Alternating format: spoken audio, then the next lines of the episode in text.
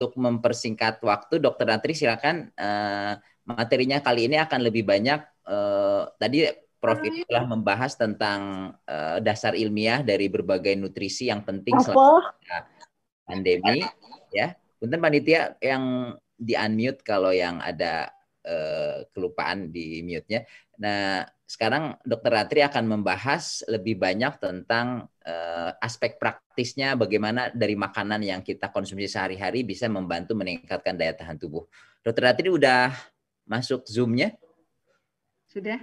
Ya, silakan Dok mau share screen-nya. Waktunya 30 menit silakan. Ya. Terima kasih. Bismillah. Assalamualaikum warahmatullahi wabarakatuh. Uh, syukur Alhamdulillah kita bisa bersama-sama di uh, kali ini bersama Sakinah TV lagi. Uh, saya kali ini akan membahas makanan kaya vitamin dan mineral untuk imunitas. Tadi Prof. Iris sudah banyak uh, membahas manfaat dari vitamin dan mineral, bahkan sampai madu, habatus sauda. Jadi saya sekarang tinggal sedikit lagi yang bisa saya bahas uh, pekerjaan saya sudah berkurang. Ya, slide. Ya, apa yang akan mempengaruhi status imunitas kita? Ada banyak faktor yang mempengaruhi uh, status imunitas kita. Slide.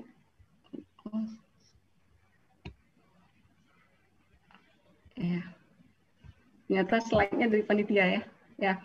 Uh, jadi di sini yang mem eh, mempengaruhi status imunitas kita adalah diet yang jelek, uh, diet yang miskin gizi.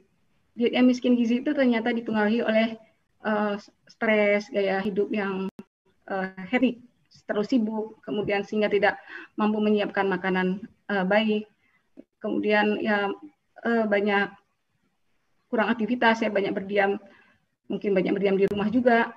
Kemudian ya mungkin sekarang kondisi pandemi ya mungkin ada yang uh, resesi ya, kena uh, mungkin iya. penghasilannya yang menurun. Kemudian hal ini semua akan mengakibatkan dari penurunan gizi. Uh, dan akhirnya akan mempengaruhi kepada im, uh, fungsi imun. Dan ketika fungsi imun menurun, maka akan uh, terjadi resiko infeksi yang pada kali ini mungkin sekarang COVID. Ya, slide.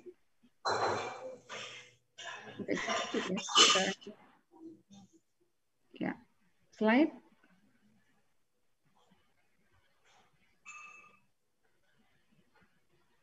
Nah, jadi di sini uh, slide-nya langsung dimajukan aja. Ini ada uh, review jurnal tentang bahwa mikronutrien dengan imun sistem itu bekerja sama mengurangi risiko infeksi. Dan vitamin-vitamin yang pada jurnal ini adalah uh, vitamin A, vitamin E, vitamin B6, B12, asam folat. Uh, tapi yang paling uh, sangat berpengaruh saat ini adalah vitamin D, vitamin C, dan zinc. Dan di sini saya akan uh, membahas sumber-sumber vitamin D, vitamin C, dan zinc, dan sedikit uh, probiotik dan omega 3. Slide. Nah, bagaimana pola konsumsi masyarakat modern sekarang?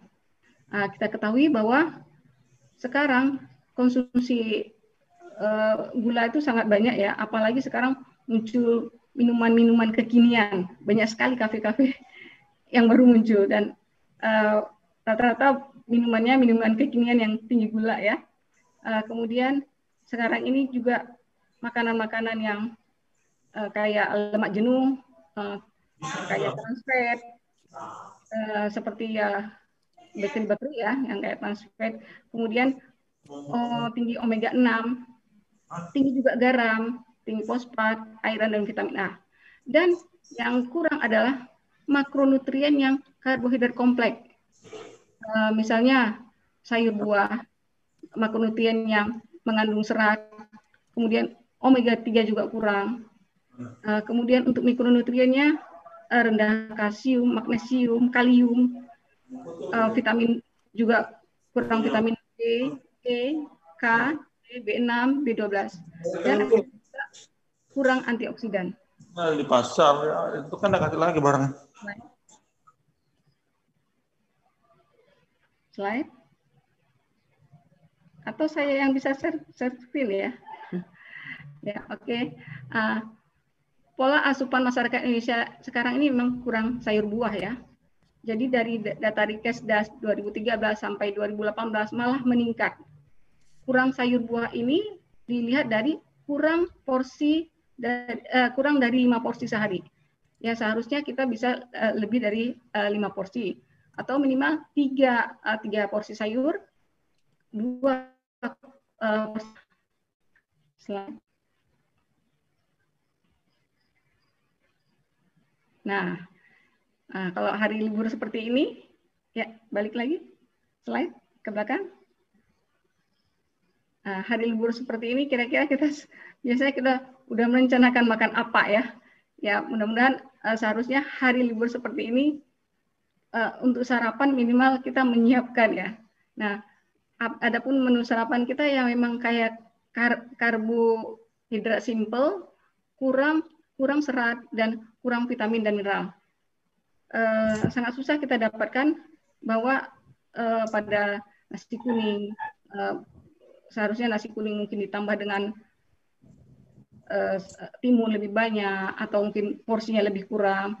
Kemudian uh, lontong sayur yang juga tambah lemak. Ya, beginilah uh, kondisi uh, menu sarapan kita dan kalau menu sarapan seperti ini uh, yang seharusnya pagi kita lebih bisa menyiapkan makanan yang baik di rumah, tapi dengan makanan seperti ini, maka kita akan cenderung untuk kekurangan vitamin dan mineral. Slide. Nah, ini contoh uh, dua menu ya, dua menu yang sama kalorinya, tapi yang kiri, uh, yang kanan miskin gizi. Nah, jadi kalau kita dari kalau dari kalori eh, mereka eh, eh, mereka ini sama, tapi yang membuat kita rasa kenyang adalah mungkin yang kiri ya. Jenisnya lebih banyak macamnya. Eh, pada gizi, eh, gizi ada say, ada buah, ada roti gandum, ada telur. Sedangkan yang miskin gizi cukup dengan dua donat saja, tapi dua jam lagi kita akan kelaparan karena tinggi karbohidratnya dan membuat memicu insulin dan memicu rasa lapar dua jam kemudian. Nah, e, jadi kalau kita bicara tentang kalori, e, bukan e, kita harus memperhatikan apa kontennya, bukan hanya kalorinya. Kalau kalorinya kecil, tapi ya mungkin biskuit seperti biskuit ya kalorinya kecil, e, e, tapi kontennya gula. Nah ini e, sangat bermasalah ya. Ya slide. Nah, ditambah sekarang dengan kondisi WFH, jadi sedentary lifestyle, uh, mungkin kurang aktif, ya banyak duduk, atau banyak berbaring. Ya, padahal tubuh kita didesain bukan untuk banyak diam. Kalaupun kita di depan laptop atau ya mungkin tiduran, usahakan untuk bangun uh, satu jam, satu jam sekali, agar eh, otot-otot uh, kita bekerja dengan uh, berfungsi dengan bagus. Ada beberapa pasien saya malah yang uh, sudah keluhan pegel-pegel di punggung. Dia kira asam urat seperti itu. Tapi saya bilang coba bergerak. Saya, uh, saya ajarkan beberapa gerakan ya yang mungkin untuk relaksasi. Ternyata bagus. Dan kita tambah suplementasi, ternyata jadi uh, bagus. Jadi uh, banyak berdiam diri juga uh, tidak bagus buat uh, otot kita dan buat uh, apa ya bisa meningkatkan juga uh, rasa jenuh ya dengan banyaknya berdiam. Jadi kalau kita di kantor usahakan untuk berdiri atau melihat ke jendela atau untuk sedikit uh, bergerak uh, apa uh, relaksasi seperti itu. Ya, uh, dok, dok, dokter uh, bisa share screen-nya aja dok. Oh iya ya. Biar apa namanya biar lebih ngalir. Tadi panitia tadi share screen-nya jadi kurang ini sebentar. Iya. Bisa share link. Ya agak lambat tadi.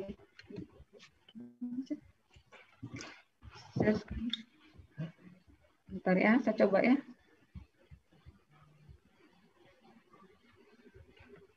Ya, oke. Okay. Sudah kelihatan? Sudah, sudah kelihatan dok, silakan. Iya, sebentar saya balik dulu.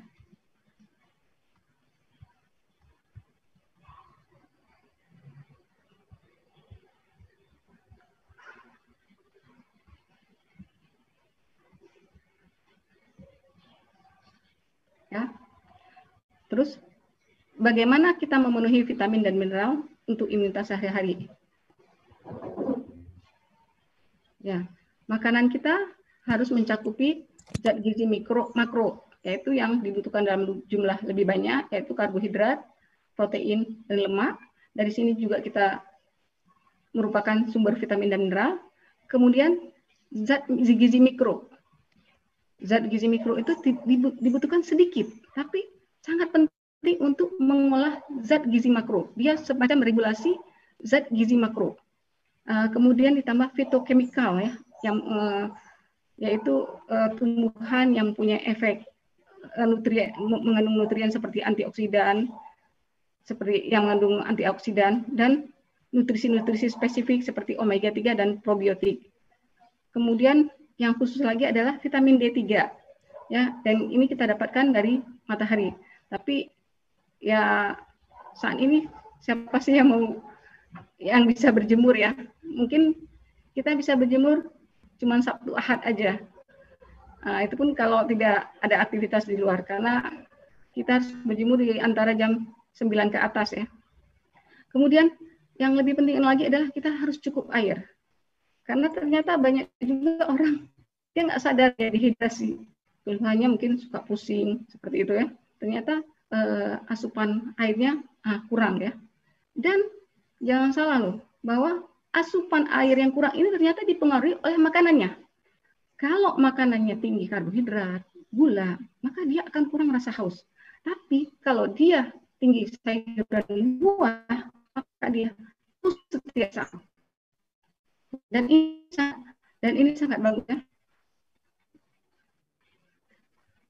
Ya, tapi kali ini saya batasi sedikit di vitamin dan mineral. Nah, yang yang sangat ditekankan sekarang ini adalah vitamin C ya. Walaupun semua vitamin itu sangat bagus.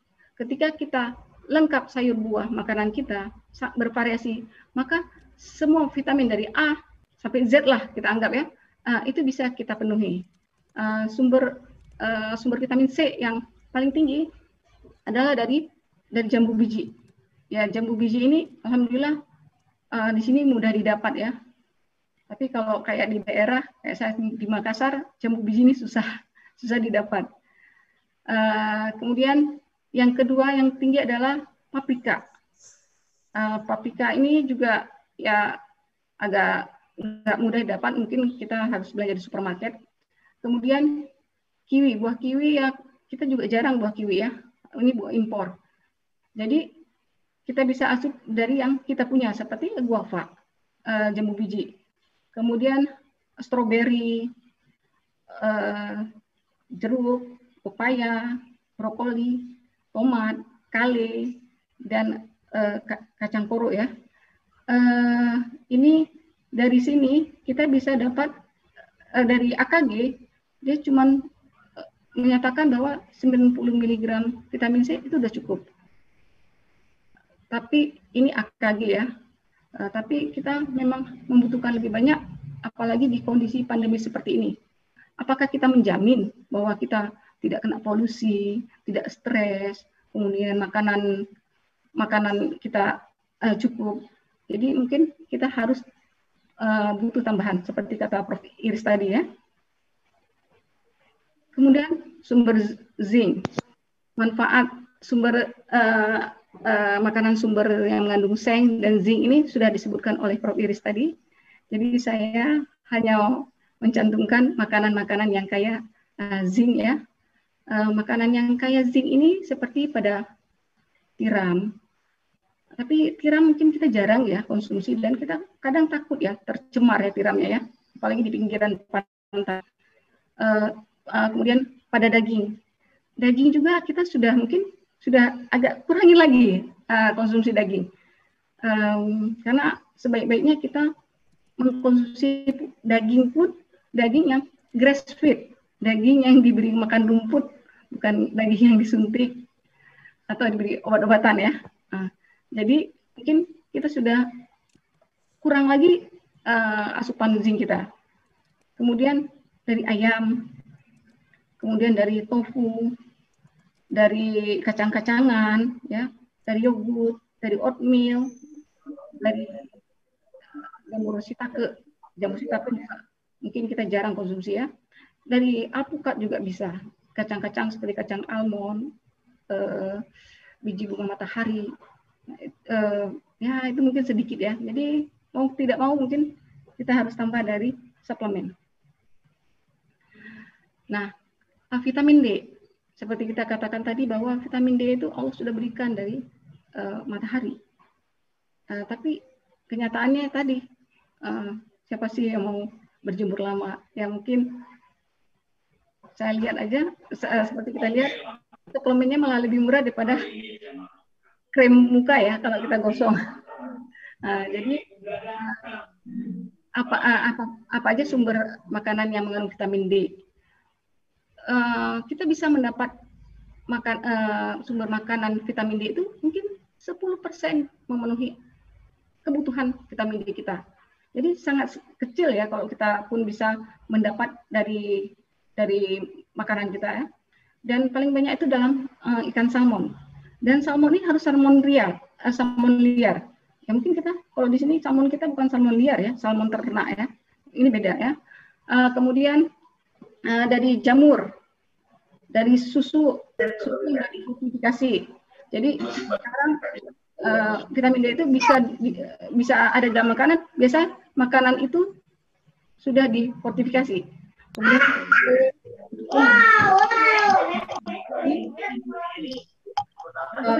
tofu, yogurt, kemudian sereal-sereal yang difortifikasi, jeruk.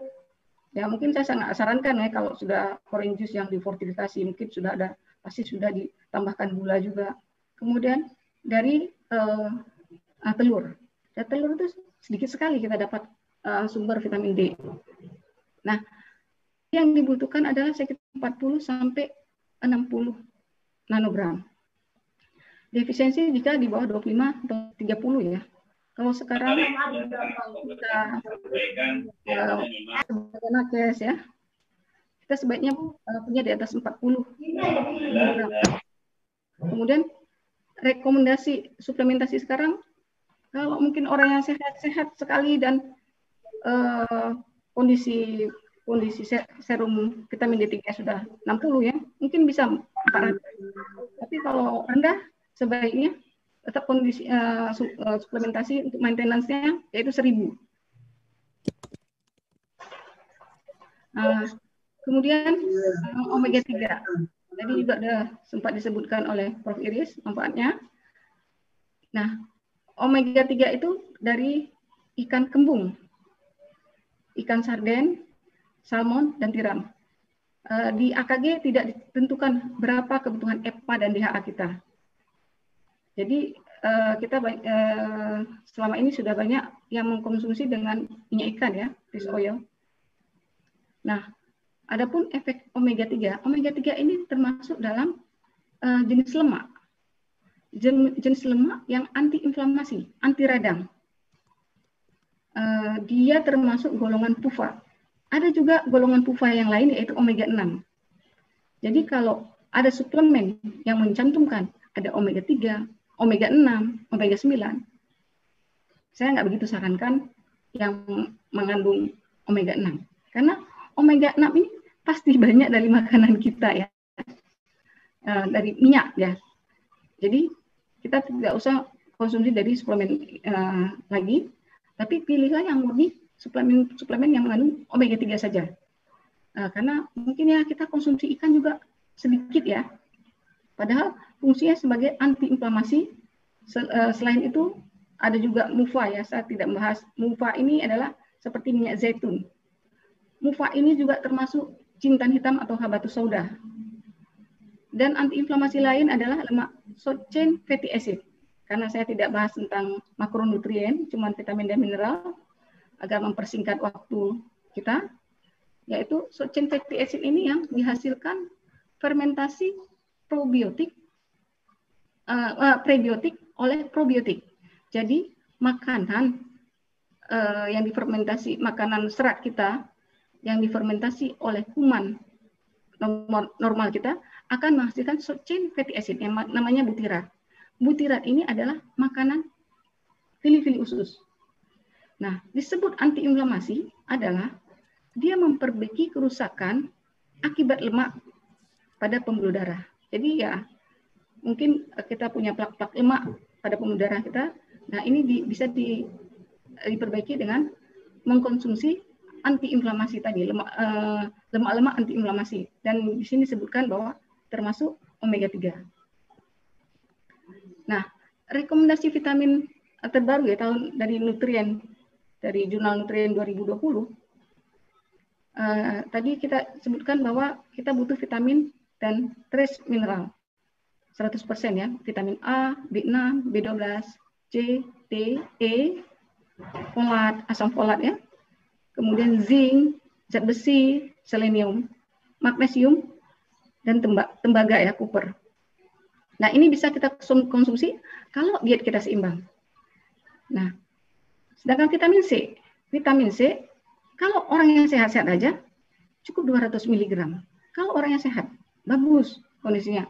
Yang dimaksud sehat mungkin selalu bugar ya. Karena kita tidak tahu orang sehat itu yang bagaimana sih. Ya, mungkin yang mengatakan sehat atau tidaknya mungkin diri kita ya. Kita yang bisa mendiagnosis kita sendiri.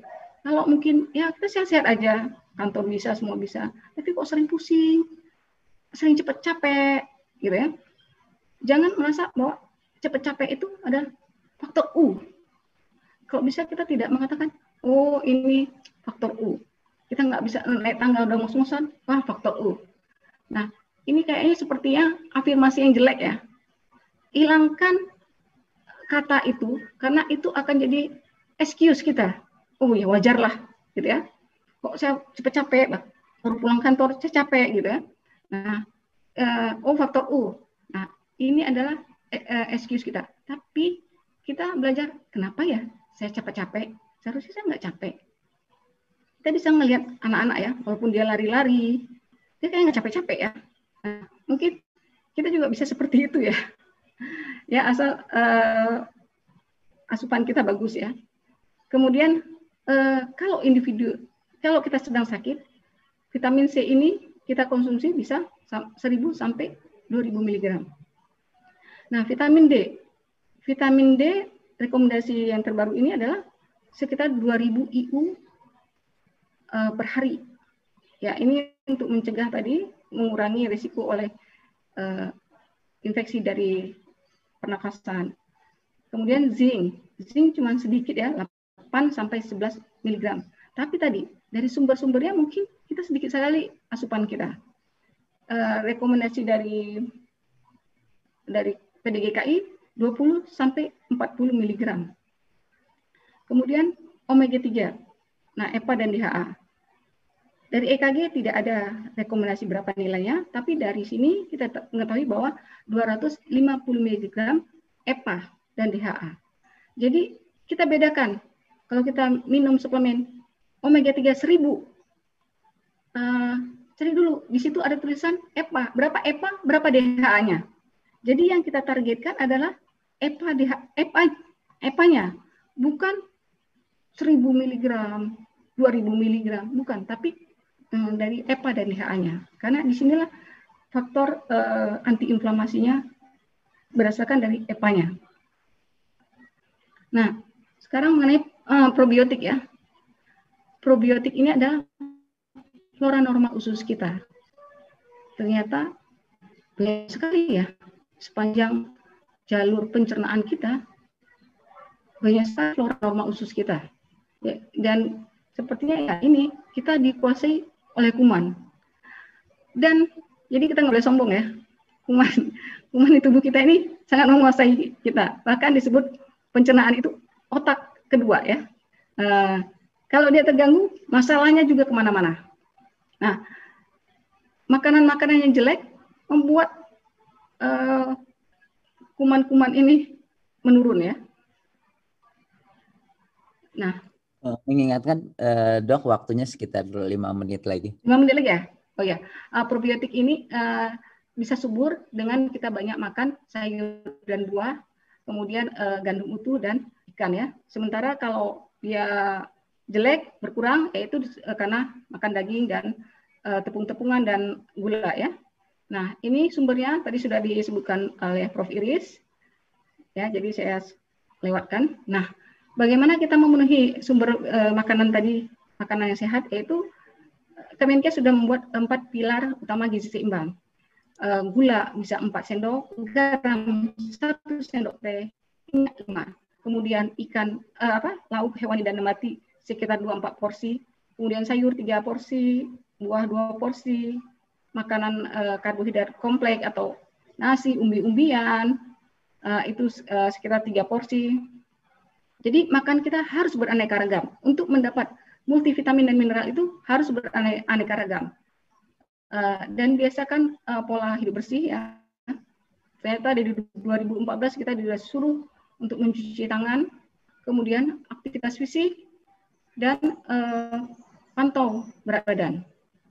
Nah, ini ada konsep tentang uh, makanan, uh, tentang makanan urutan makanan ya.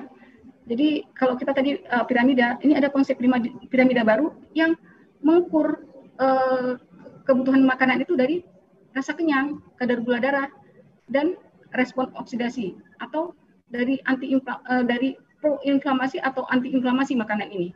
Jadi merujuk dengan pola Mediterranean diet. Mediterranean diet ini pola makannya seperti orang-orang Italia yang banyak minyak zaitun, banyak sayur buah. Uh, dan kita lihat kemarin waktu COVID pertama uh, banyak angka kematian mereka ternyata dari orang tua. Dan kita tahu bahwa oh ternyata angka hidup mereka tuh uh, long lasting ya, panjang ya, maksudnya panjang banyak orang tuanya. Karena ini mungkin karena pengaruh pola Mediterranean diet. Nah, di sini uh, dia susun kalau yang di puncaknya itu yang harus sedikit. Dia bilang kenapa yang di puncak itu sedikit karena ini adalah makanan-makanan pro inflamasi, pro peradangan. Jadi kalau kita makan masih makan manis, sebaiknya tidak ada gula lagi ya di rumah kita ya. Uh, kalaupun bumbu sebaiknya kita pakai uh, gula aren ya. Uh, kemudian uh, gorengan dari sosis, nugget, daging-daging burger burger itu adalah pro inflamasi ya. Kemudian daging merah walaupun tanpa lemak ya kemudian gorengan, wah ini snack gurih, kerupuk, keripik. Nah, ini kalau bisa, nah kalau bisa jarang, uh, sesekali atau lebih bagus nggak usah. Nah, dan di sini ada lagi, kalau makanan yang paling bagus tuh yang di bawah ya. Di sini air, air, kopi, sup, uh, sayur-sayuran. Sayur-sayuran itu ada lima, lima warna. Lima warna ini bisa bentuknya uh, fresh, dimasak, atau fermentasi ya, kemudian extra virgin olive oil, eh, rempah-rempah, bumbu ya, kemudian lemon. Dan ternyata ini setiap makan sebaiknya ada ini. Nah, bagaimana kita setiap makan ada nggak uh, olive oil di uh, di makanan kita? Mungkin enggak ya. Ya mungkin kita harus minum mungkin ya. Uh, kemudian lima color itu harus ada setiap hari. Nah, kemudian yang kedua adalah uh, setiap uh, kalau ini uh, every meal setiap kita makan harus ada ya yang paling bawah ini. Kemudian yang kedua adalah uh, sehari-hari. Sehari-hari yang sehari-hari adalah misalnya yogurt, uh, uh, keju, kemudian dari kedelai, tahu, tempe, isolat kedelai, yang susu-susu kedelai tapi dari yang isolat ya kita baca soy isolat. Kemudian telur. Nah, ini uh, setiap hari tapi enggak setiap meal ya. Kemudian yang kemudian uh, kacang-kacangan, uh, kecambah, ini boleh dimasak atau tidak ya. Kemudian gandum, uh, sayur-sayuran yang agak tinggi karbonya dan buah ini setiap hari. Kalau yang ikan boleh seminggu berapa kali gitu. Kemudian uh, kacang-kacangan boleh seminggu berapa kali.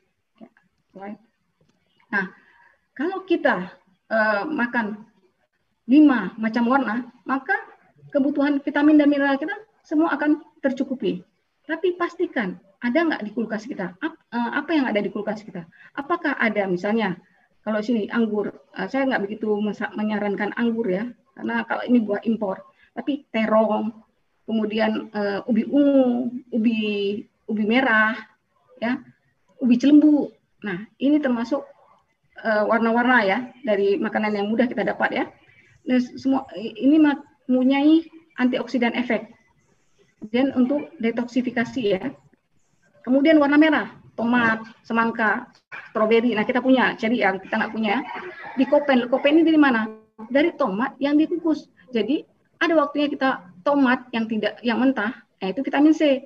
Kalau likopen dia dikukus. Jadi kalau kita bikin nyambel, uh, kita kukus dulu. Nah itu bagus ya. Efeknya juga untuk uh, kanker prostat, untuk uh, untuk menekan kanker prostat, par kanker paru. Kemudian yang hijau-hijau, brokoli, bayam, uh, alpukat. Alpukat kalau bisa tiap hari ada di rumah ya, karena dia tinggi kalium dan luar biasa buah alpukat ini. Lemaknya lemak lemak bagus juga. Kemudian uh, anggur hijau ya mungkin kita nggak punya ya. Kali kali kita jarang. Uh, kemudian sulforapan. Sulforapan ini seperti brokoli, kol-kolan, ya kayak apa bok bokcoy seperti itu ya. Nah, ini juga mencegah kanker. Yang yellow, yellow apa yang kuning? Ya, jeruk. Jeruk, kemudian uh, apa? Pumpkin, pumpkin itu apa? Labu labu kuning ya. Uh, wortel, wortel pasti ada ya. Kemudian untuk uh, mencegah breast cancer. Kemudian yang putih ada bawang putih, eh, jamur, eh, kemudian eh, bawang merah juga ya. Nah, semua itu mengandung antioksidan. Dan bagaimana kita mempersiapkan menu vitamin yang yang menu vitamin mineral dari makan kita, yaitu masak sebaiknya uh, kalau bisa kalau untuk sayuran raw Uh, kemudian uh, mentah ya. Uh, kemudian yang kedua dikukus. Kemudian yang direbus. Kalau sayur asam itu masaknya udah apalagi suka dipanasin ya, udah hilang gizinya ya. Waktunya lagi tambah gula lagi. Dok, punten. Waktunya dua menit lagi. Dua menit lagi. Ya.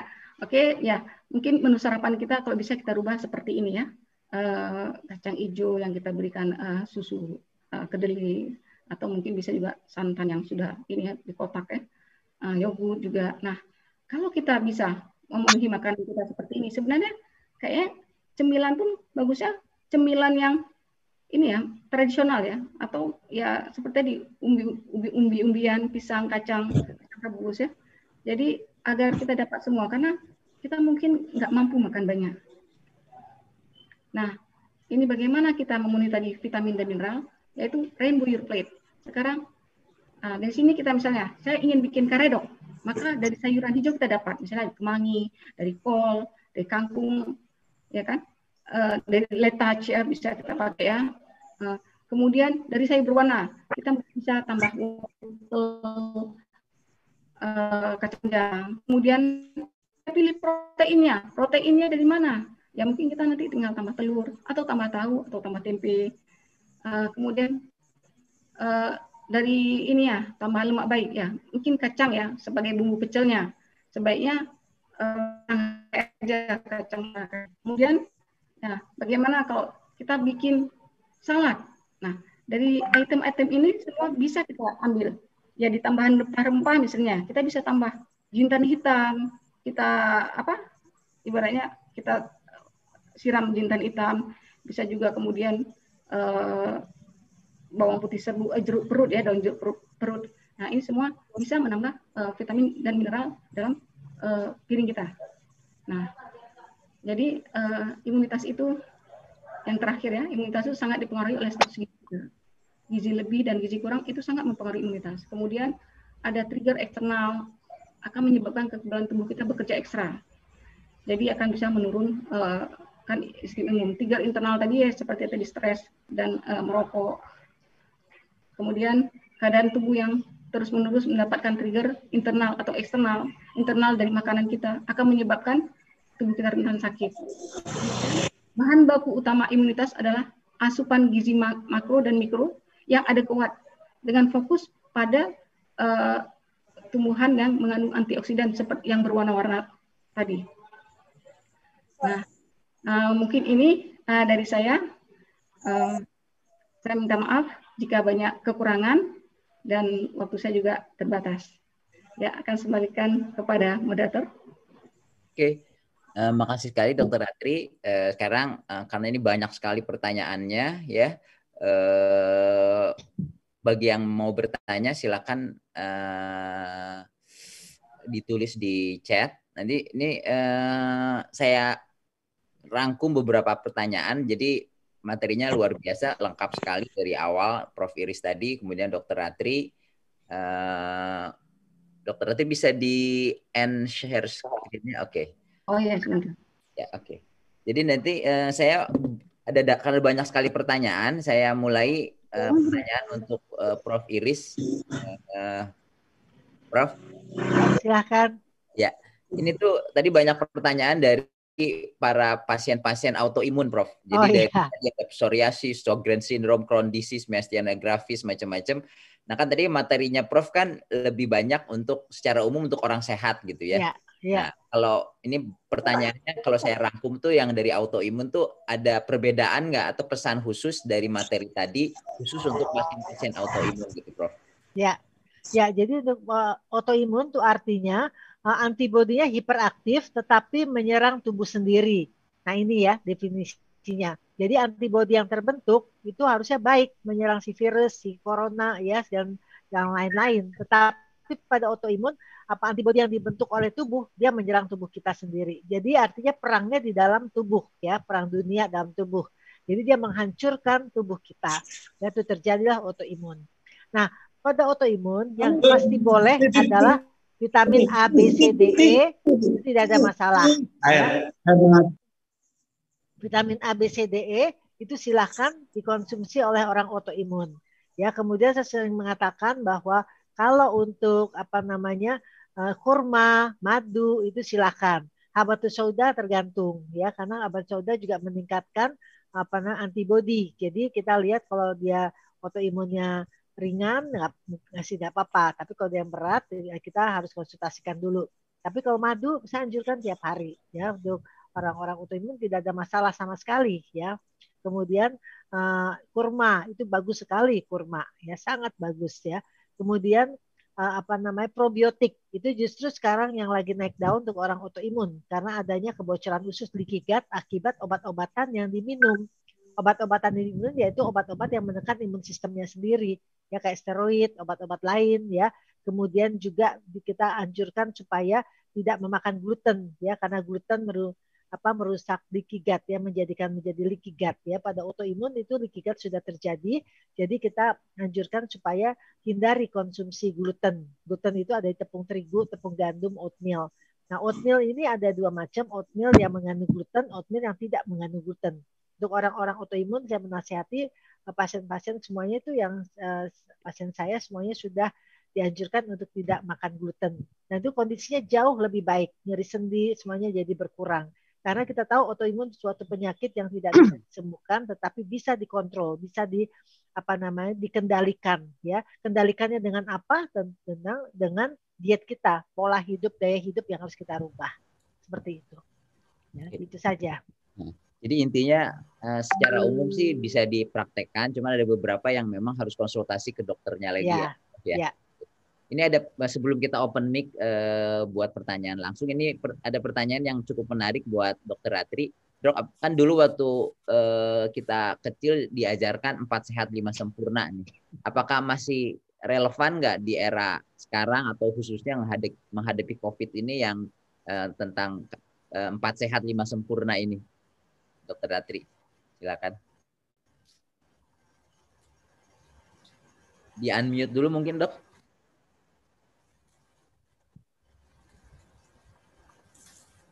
Dokter Andri? kayaknya kayaknya uh, agak... ya, ya, pertanyaan buat saya. Ya, yang tentang empat ya. sehat lima sempurna ada yang nanya, eh, dok, nah. Pak masih relevan nggak yang empat sehat lima sempurna ini, uh, terutama di era COVID ini gitu? Uh, tadi uh, kita bukan empat sehat lima sempurna lagi, sekarang sudah dari 2014 itu sudah gizi seimbang. Jadi uh, tadi bahwa gula uh, dibatasi kemudian sampai aktivitas. Jadi bukan empat sehat lima sempurna lagi. Kalau empat sehat lima sempurna itu sebelum era 2014 ya oh ya. Uh, uh, kita makan seperti tadi yaitu uh, dua porsi buah tiga porsi sayur kemudian uh, karbohidrat kompleks atau pengganti nasi sekitar tiga porsi, kemudian uh, lemak sekitar 5 sendok. Nah, itu sekarang gizi seimbang, bukan empat sehat lima sempurna. Ya mungkin itu aja. Oke. Okay. Uh, jadi sekarang lebih ke arah gizi seimbang yang nggak empat sehat lima sempurna kayak waktu kita diajarin waktu kecil ya, dok. Ya. Oke, ini ada uh, yang mau silakan kalau ada yang mau tanya Bu Santi Iswara, kami persilahkan. Ada yang mau nanya open mic, silakan.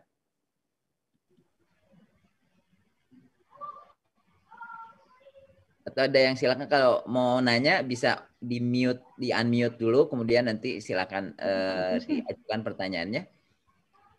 Sambil menunggu, ini uh, Prof pertanyaannya lagi ada yang menarik juga. Jadi uh, tadi kan Prof bilang bahwa uh, anti suplementasi itu diperlukan pada kondisi tertentu katanya ada yang lagi sakit atau menjaga orang hmm, sakit dan sebagainya. Tapi kan sekarang katanya orang tuh pada ketakutan dengan COVID ini banyak orang yang OTG segala macam. Apakah boleh eh, kita tuh minum suplemen yang kan sekarang banyak nih suplemen yang lengkap pada multivitaminnya, mineralnya. Tadi Prof juga bilang kan sebenarnya kandungan yang dibutuhkan cuma sedikit tapi lengkap ya. lah. Nah, pertanyaannya itu ada yang bagus tuh apakah kita boleh mengkonsumsi multivitamin mineral suplemen ini dalam uh, setiap hari dan amankah dikonsumsi dalam jangka panjang hmm. karena ada yang bilang katanya pandeminya masih lama nih gitu. Ya. Ya. Ya, jadi sebetulnya aman ya. Vitamin A, B, C, D, E itu aman sekali di dalam jangka panjang selama dosisnya cukup. Tadi do, apa namanya Dokter Atri udah bilang bahwa nggak perlu gede-gede, vitamin C 200 mg asal kita stable, stabil ya. Jadi 200 mg kita tiap hari, tetapi sisanya kita dari makanan. Atau kalau, kalau kita makannya kurang, oke okay lah 500 ya. Ini kan pencegahan ya. Jangka panjang tidak apa-apa selama kita tidak apa namanya tidak ada keluhan-keluhan karena vitamin karena alergi misalnya ya. Karena vitamin A, B, C, D, E yang selalu saya katakan pada orang autoimun, penyintas autoimun itu silahkan ABCDE-nya dalam satu multivitamin, tetapi D-nya tersendiri lagi. Karena penyakit autoimun biasanya vitamin D-nya rendah. Dia butuh sekali vitamin D yang cukup minimal sekitar 2000 international unit. Bahkan saya sering kali memberikan 5000 pada orang autoimun ya. Tapi tadi dokter Atri sudah menjelaskan 2000 memang itu harian yang saya berikan juga kepada orang autoimun yang sudah terkendali. Ya, jadi aman, aman ya yang uh, mengenai mineralnya Prof yang kan ada oh, iya. ini ada selenium, zinc gitu. Tadi kan Prof bahas terutama yang zinc. Zinc. Kata-kata iya. selenium itu ada uh, agak tren gitu itu apa iya. atau khusus? Ya, jadi sebetulnya semua mineral itu penting dan bentuk kecil. Karena itu saya selalu bilang biasanya pada pasien-pasien saya karena obat autoimunnya udah banyak. Udah beli aja vitamin multi, vitamin dan mineral. Dan selalu bilangnya begitu. Tetapi multivitamin mineral itu biasanya sudah cukup untuk vitamin lain kecuali vitamin D plus vitaminnya tersendiri. Jadi beli aja multivitamin mineral. Nanti dokter Atri tolong menambahkan mengenai mineralnya dalam bentuk vitamin.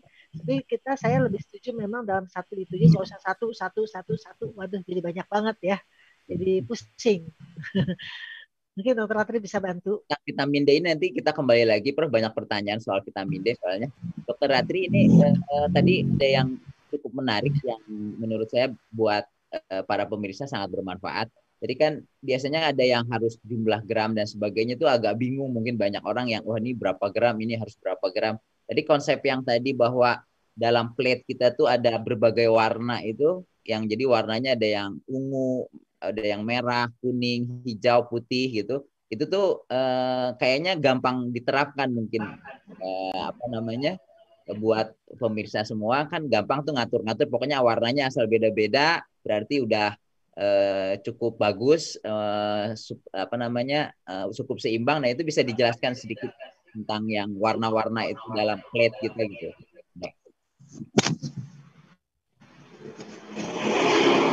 Jangan mute dulu mungkin dok. Ya. uh, jadi kalau dari makanan tadi itu bisa kita penuhi. Cuman yakin nggak sih kita bisa memenuhi lima warna itu? Kemudian kita pasti masih makan, kita masih makan kue ya. Jadi sedangkan kemampuan makan kita itu terbatas, apalagi kalau kita kondisinya puasa gitu ya. Nah, jadi di situlah kita uh, butuh suplemen multivitamin yang disebutkan Prof Iris tadi. Jadi kalau kita sudah ad, uh, pilih yang multivitamin, uh, kecuali kita ada kebutuhan khusus ya, kemudian ada sakit, kita butuh yang misal yang sendiri gitu ya, pada mungkin pada yang autoimun. Nah, tapi untuk yang multivitamin tadi uh, kita butuh dari satu cukup dari satu macam, tapi carilah yang uh, organik ya. Bagaimana kita memilih suplemennya? Yaitu cari yang organik. Kemudian ada tulisan non GMO, tidak ada tulisan juga uh, dari based on apa uh, organik. Jadi based dari dari sayuran dan buah seperti itu. Jadi lebih bagus kita pilih yang itu. Kalau yang warna-warna, ya, di situlah kita tempatnya uh, mengkonsumsi multivitamin tadi. Dan mungkin kan kita nggak tiap hari ya, kadang masih pakai lupa lagi minumnya ya. Tapi andaikan tadi kita, apalagi intermittent fasting ya, Eh, dokter Andi ya. Makanya jadi terbatas. Uh, pengaruhnya ketika kita sering berpuasa juga cepat kenyang. Jadi makanya lebih sedikit. Akhirnya ya kayak itu kita nggak bisa memenuhi lima kalori tadi. Jadi harus tambah dengan multivitamin. Ya sekarang kan dengan polusi, ya uh, banyak uh, polutan, kemudian stres, itu juga meningkatkan kebutuhan uh, multivitamin tadi dan antioksidan tadi. Ya, mungkin itu. Oke. Okay. Uh, baik lagi ke Prof ini sambil nunggu yang mau open mic pertanyaannya langsung. Prof yang tadi vitamin D tadi itu kan lagi tren sekali. Tadi bahkan Prof bilang untuk multivitamin mineral itu vitamin D itu nggak cukup gitu. Harus ada suplementasi tersendiri baik untuk pasien, terutama pasien-pasien autoimun misalnya. Nah ini saya sampai uh, mau tanya apakah saking terus tadi di slide Prof kan ada yang orang-orang yang berisiko tinggi uh, menderita kekurangan vitamin D gitu. Nah, apakah tiap orang tuh jadinya apa kita harus masukin eh, pemeriksaan vitamin D ini jadi daftar medical check up gitu? Apa kita harus tahu kadar vitamin D kita supaya kita bisa menentukan berapa suplementasi yang eh, sesuai sama kebutuhan kita? Gimana Prof? Silakan. Prof di mute dulu, Prof. Di unmute dulu sorry. Ya, sebetulnya kalau di dunia autoimun itu rutin saya periksa. Ya, kenapa? Karena kita butuh dosis yang cukup tinggi. Bisa juga takut kalau terjadi keracunan, ya toksin, ya tidak boleh toksik, ya. Jadi selalu saya periksa. Ya, memang sayangnya masih agak mahal ya. Jadi kalau misalnya saya nggak bisa periksa karena pasiennya nggak mampu, ya sudah saya kasih 3000 aja, gitu. Karena ngelihat dari gejalanya gejala klinisnya lemes, lesu, lelah, ya, nyeri sendi, ya itu udah jelas ya. Nah, jadi kita berikan itu. Memang kepikir oleh saya memang kalau dimasukin check up itu bagus banget. Karena vitamin D untuk orang Indonesia itu justru banyak yang rendah, terutama wanitanya, karena takut kena matahari. Terus terang saya pribadi juga sebetulnya agak geli ya. Saya tujuh vitamin D saya. Lalu saya lemes sekali, betul-betul lemes. Saya kenapa? Karena aktivitasnya cukup tinggi, jadi terasa waktu itu. Jadi eh, apa namanya koleha saya bilang ini vitamin kamu rendah nih vitamin D-nya. Coba ya periksa benar saya periksa dua kali karena nggak nggak percaya. Satu di lab yang lain tujuh ya satu delapan. Beda tipis ya beti istilahnya. Saya minum lima ribu. Sampai tiga empat bulan naik pelan pelan sampai udah 30 ya sampai stabil sekarang ya. Karena itu ya itu terasa sekali. Pada saat kita minum vitamin D tenaga kita jadi luar biasa. Apalagi orang autoimun ya itu butuh lebih tinggi dosisnya. Karena kondisi autoimunnya sendiri sudah bikin lelah lemas lesu ya tambah lagi kurang vitamin D double lesu ya double lemah lesu ya. Karena itu vitamin D itu amazing bagi saya amazing. Karena di sistem imunologi reseptor atau uh, tempat apa namanya ya tempat dia parkir di tubuh kita itu semuanya butuh vitamin D. Tempat parkirnya disediain sama semua organ. Artinya semua organ manggil vitamin D saya butuh kamu. Akhirnya kayak gitu. Ya jadi vitamin D itu amazing untuk di imunologi ya dunia imunologi ya. Tapi yang lain tentu perlu, semua perlu ya. Tapi D ini memang buat saya spesial karena saya pernah merasakan bagaimana orang defisiensi sehingga saya bisa merasakan pasien yang seperti saya itu banyak sekali, banyak banget. Coba aja teman-teman periksa apa vitaminnya rata-rata kurang, terutama yang wanita. Yang laki kan pakai tangan pendek nggak apa-apa, lalu lalang ya lebih banyak kena apa matahari. Kalau yang perempuan udah kayak saya pakai tangan panjang, berangkat gelap, pulang gelap pula ya ke rumah, udah nggak kena itu ya, waktu itu nggak sadar kita juga nggak tahu suplementasi, belum booming. Nah sekarang vitamin D itu udah kayak apa dan saya banyak membawakan ceramah hanya khusus vitamin D dan imun sistem. Itu ada topik tersendiri begitu panjang, bayangin. Amazing. Uh, untuk yang bukan autoimun, yang pasien sehat, yang wah, sehat dalam artian tidak punya penyakit berat tertentu gitu, hmm. uh, banyak manfaat juga ya Prof ya. Sangat, kita, sangat. kadarnya nanti kita bisa ya. nentukan oh, kita butuh dosis berapa. Karena ya. keluhannya kan berarti sangat luas kalau misalnya semua ya sektor tubuh kita, semua organ tubuh butuh vitamin D, pasti keluhannya sangat general gitu kan. Yeah. Jadi kalian yeah. sulit dibedakan dengan keluhan-keluhan yang lain ya. Betul sekali. Satu, eh, satu lagi Prof, ini kayaknya dokter Ratri lagi nggak nyambung. Uh, Saya pakai ini, oh, pakai HP karena habis baterai. Oh ya, dok eh, mau nanya nih kan tadi dokter Ratri sama saya perhatiin sama Prof Iris tuh membahas tentang manfaat berbagai yeah. antioksidan gitu ya. Pertama vitamin A itu A, D, E, C itu antioksidan dan perannya pada sistem imun. Nah kemudian tapi eh, setahu saya itu ada juga bahwa peran dari antioksidan kan sama radikal bebas nih. Nah, yang saya tahu tuh banyak sekali makanan-makanan yang tadi kan ini hubungannya dengan nutrisi yang kita konsumsi. Ada yang bilang makanan-makanan yang kita konsumsi itu juga banyak diproses dengan uh, radikal bebas gitu. Nah, ini ada nggak kiat-kiat memilih makanan yang istilahnya apa yang harus dihindari, apa yang harus ditambah eh, atau misalnya hubungan dengan radikal bebas yang ada yang sulit untuk kita hindari kayak misalnya pestisida pada beras, pada sayuran, buah-buahan itu kan mengandung pestisida sementara itu radikal bebas juga dan kita butuh antioksidan jadi banyak. Mungkin uh, Prof Iris sama Dr. Ratri, Dr. Ratri dulu mungkin silakan. Ya, terima kasih. Uh, kiat-kiatnya kita memilih makanan ya. Pertama, yang mungkin makanan sehat tapi sudah uh, mengandung radikal bebas ya. Mungkin kita tahu istilah xenobiotik, zat-zat uh, kimia ya. Nah, itu termasuk yang bikin radikal bebas, yang bikin ROS. Di antaranya misalnya saus-sausan uh, apa ya saus teriyaki, saus saus yang merah-merah itu. Nah, uh, pada uh, atau mungkin mayonaise ya kan? Nah, kita tujuan kita tadi bikin salad, tapi kita pakai mayonaise. Mayonaise itu ada apa? Ada gula, nah, ada telur.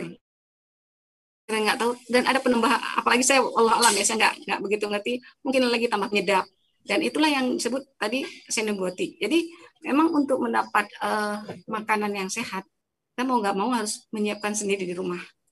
Jadi eh, saya lihat bahwa kebiasaan kita mungkin sehari-hari yaitu makan di kantor, ya makan di kantor itu makan yang beli ya. Nah dan ini ternyata padahal di kantor kita nggak mau makan untuk yang enak, tapi setidaknya makan untuk menghilangkan lapar aja ya kan. Jadi karena eh, tidak mesti makan enak, dan ketika kita beli kita akan dapat yang yang makanan yang mengandung saturated fat tinggi ya. Biasanya kan kalau lauk-lauk yang di luar itu kan sukanya digoreng ya. Nah, jadi sebaiknya kita bawa bekal. Kita masih bisa makan enak lah. Oh, waktu weekend mungkin sekali keluar karena untuk kuliner bersama keluarga. Ibaratnya eh, sehari-hari kita berusaha untuk menyiapkan semua dari dapur kita. Sekali-kali boleh. Nah, ketika kita kuliner ya jangan lupa bawa suplemennya mungkin seperti itu kiat-kiatnya karena kita nggak bisa selalu makan yang bagus ya nah ya. itu yang artinya kita butuh suplemen kalau Prof Iris gimana Prof soal suplemen apa namanya radikal bebas yang ada di nutrisi yang kita makan ini? Iya.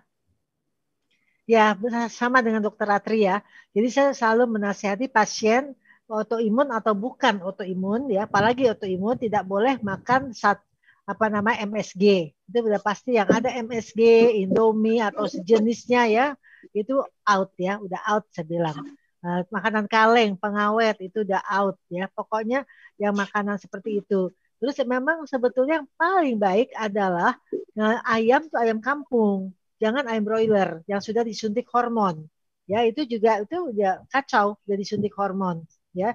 Kemudian apa namanya kayak sapi, kambing. Kambing mungkin lebih baik dari sapi karena uh, sapi itu sudah ada sebagai diusi hormon dan tidak grass fed lagi. Yang kita inginnya grass fed, makanannya rumput. Namanya susah kalau Jakarta cari makanan rumput. supaya gampang dijual suntik aja hormon ya jadi itu sulit. Nah, untuk orang-orang autoimun makanya dilarang makan daging merah tuh bukan daging merahnya karena bukan grass fatnya jadi kadang-kadang salah pengertian. Boleh makan daging merah autoimun tetapi harus yang makanannya rumput yakin. Nah inilah susah. Ya jadi harus ada uh, dokter hewan yang betul-betul mengerti di mana dijualnya. Saya sih karena saya bergerak di autoimun banyak ya, jadi saya udah tahu di mana beli yang apa grass fed, sapi yang grass fed, yang ini. Jadi seperti itu ya sampai ke situ. Jadi diet gizi yang baik sebenarnya hanya untuk orang autoimun, untuk semuanya tuh harusnya demikian. Ya, jadi pengawet, penyedap, pewarna.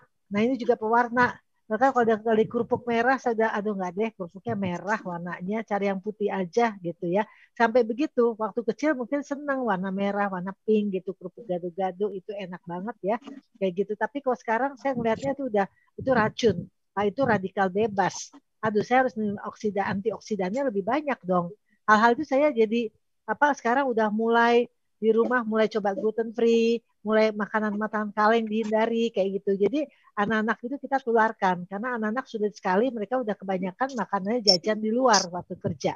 Sekarang mereka anak-anak saya udah mulai bawa bekal, udah nggak nggak malu lagi kayak zaman dulu kita bawa bekal. Jadi bawa bekal nasi apa untuk makan siang seperti itu. Ya memang udah WFH ya, WFO gitu ya. Tapi di samping itu juga makanan udah takut nggak sehat. Goreng-goreng kita udah kurangin semua, minyak jelantah buang jadi saya udah bilang ke dari banyak makan yang rebus-rebus. Kayak orang sakit awalnya, tapi lama-lama biasa juga saya lihat goreng udah nggak kepingin tuh minyak gitu. Kebayang saya mesti antioksidan saya mesti lebih tinggi lagi. Sementara saya tetap minum antioksidan sampai hari ini. Nggak berani saya kok nggak minum. Zaman COVID kayak gini nggak berani. Vitamin yep. D semua minum. Madu, wah udah. Okay. Lengkap. Ini karena waktunya terbatas, pertanyaannya sangat banyak sekali ya. Moga-moga ini ini eh, alhamdulillah direkam Prof ya. Jadi ada YouTube-nya buat para pemirsa yang baru datang terlambat. Nanti materinya juga dari kedua pembicara bisa diminta di di grup Sakinah uh, Sakinah TV. Kemudian eh, jadi intinya tadi yang terakhir itu menarik juga yang uh, buat uh, era Covid gini juga kan banyak kita harus banyak penghematan juga. Jadi tadi saran dari Dok Prof Iris dan Dokter Ratri kita buat makanan sendiri bawa ke tempat kerja. Itu selain hemat juga kita bisa pastikan kesehatannya ya, Prof sama Dok. Iya, betul, betul. Ya, jadi nggak usah malu lagi bawa. Jangan. Ya, saya juga bawa. Saya juga bawa. Jadi eh, makasih menarik sekali materi hari ini lengkap sekali. Jadi eh, banyak yang mendoakan kedua pembicara banyak sekali manfaatnya. Moga-moga sehat selalu panjang umur. Uh, terima kasih buat uh, admin uh, Sakinah TV yang telah memfasilitasi acara ini. Banyak sekali manfaat yang kita peroleh bagi uh, yang belum menonton sekali lagi, yang nontonnya di tengah-tengah itu uh, rekaman lengkapnya itu bisa diperoleh di YouTube-nya channel YouTube-nya Sakinah TV dari awal sampai akhir.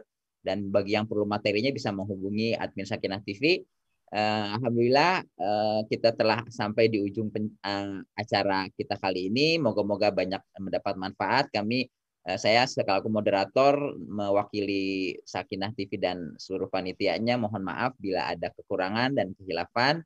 Uh, kita tutup dengan doa kafaratul majelis dan alhamdulillah Alhamdulillah subhanakallah wa bihamdika asyhadu an la ilaha illa anta Assalamualaikum warahmatullahi wabarakatuh. Waalaikumsalam. Terima kasih, Dok Profesor. Sama-sama. Dokter, Pak Dokter Andi, Dokter Syarif. Assalamualaikum. Waalaikumsalam. Saya pamit. Baik. Mohon maaf para pemirsa yang belum bisa dijawab pertanyaan. Mungkin nanti kita coba akomodasi kalau misalnya ada yang mau bertanya secara khusus. Prof Iris, sekali lagi terima kasih. Mohon maaf kalau ada kekurangan, Prof. Dokter Atri, sekali lagi terima kasih. Terima kasih Dokter Syarif, saya pamit ya. Baik, silakan Bro. Ya.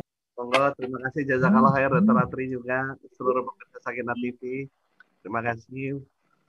Mohon doanya agar tetap eksis Dokter Kukun, Bu Fitrianti, terima kasih seluruh pemirsa. Uh, mudah-mudahan aja pertanyaan yang belum terjawab nanti bisa lewat chat WA ya para pemirsa. Nanti saya akan coba akomodir pelan-pelan. Terima kasih Dr. Serina Rolita, semua yang telah bergabung, Bu Eti, mohon izin Le. Baik, Assalamualaikum.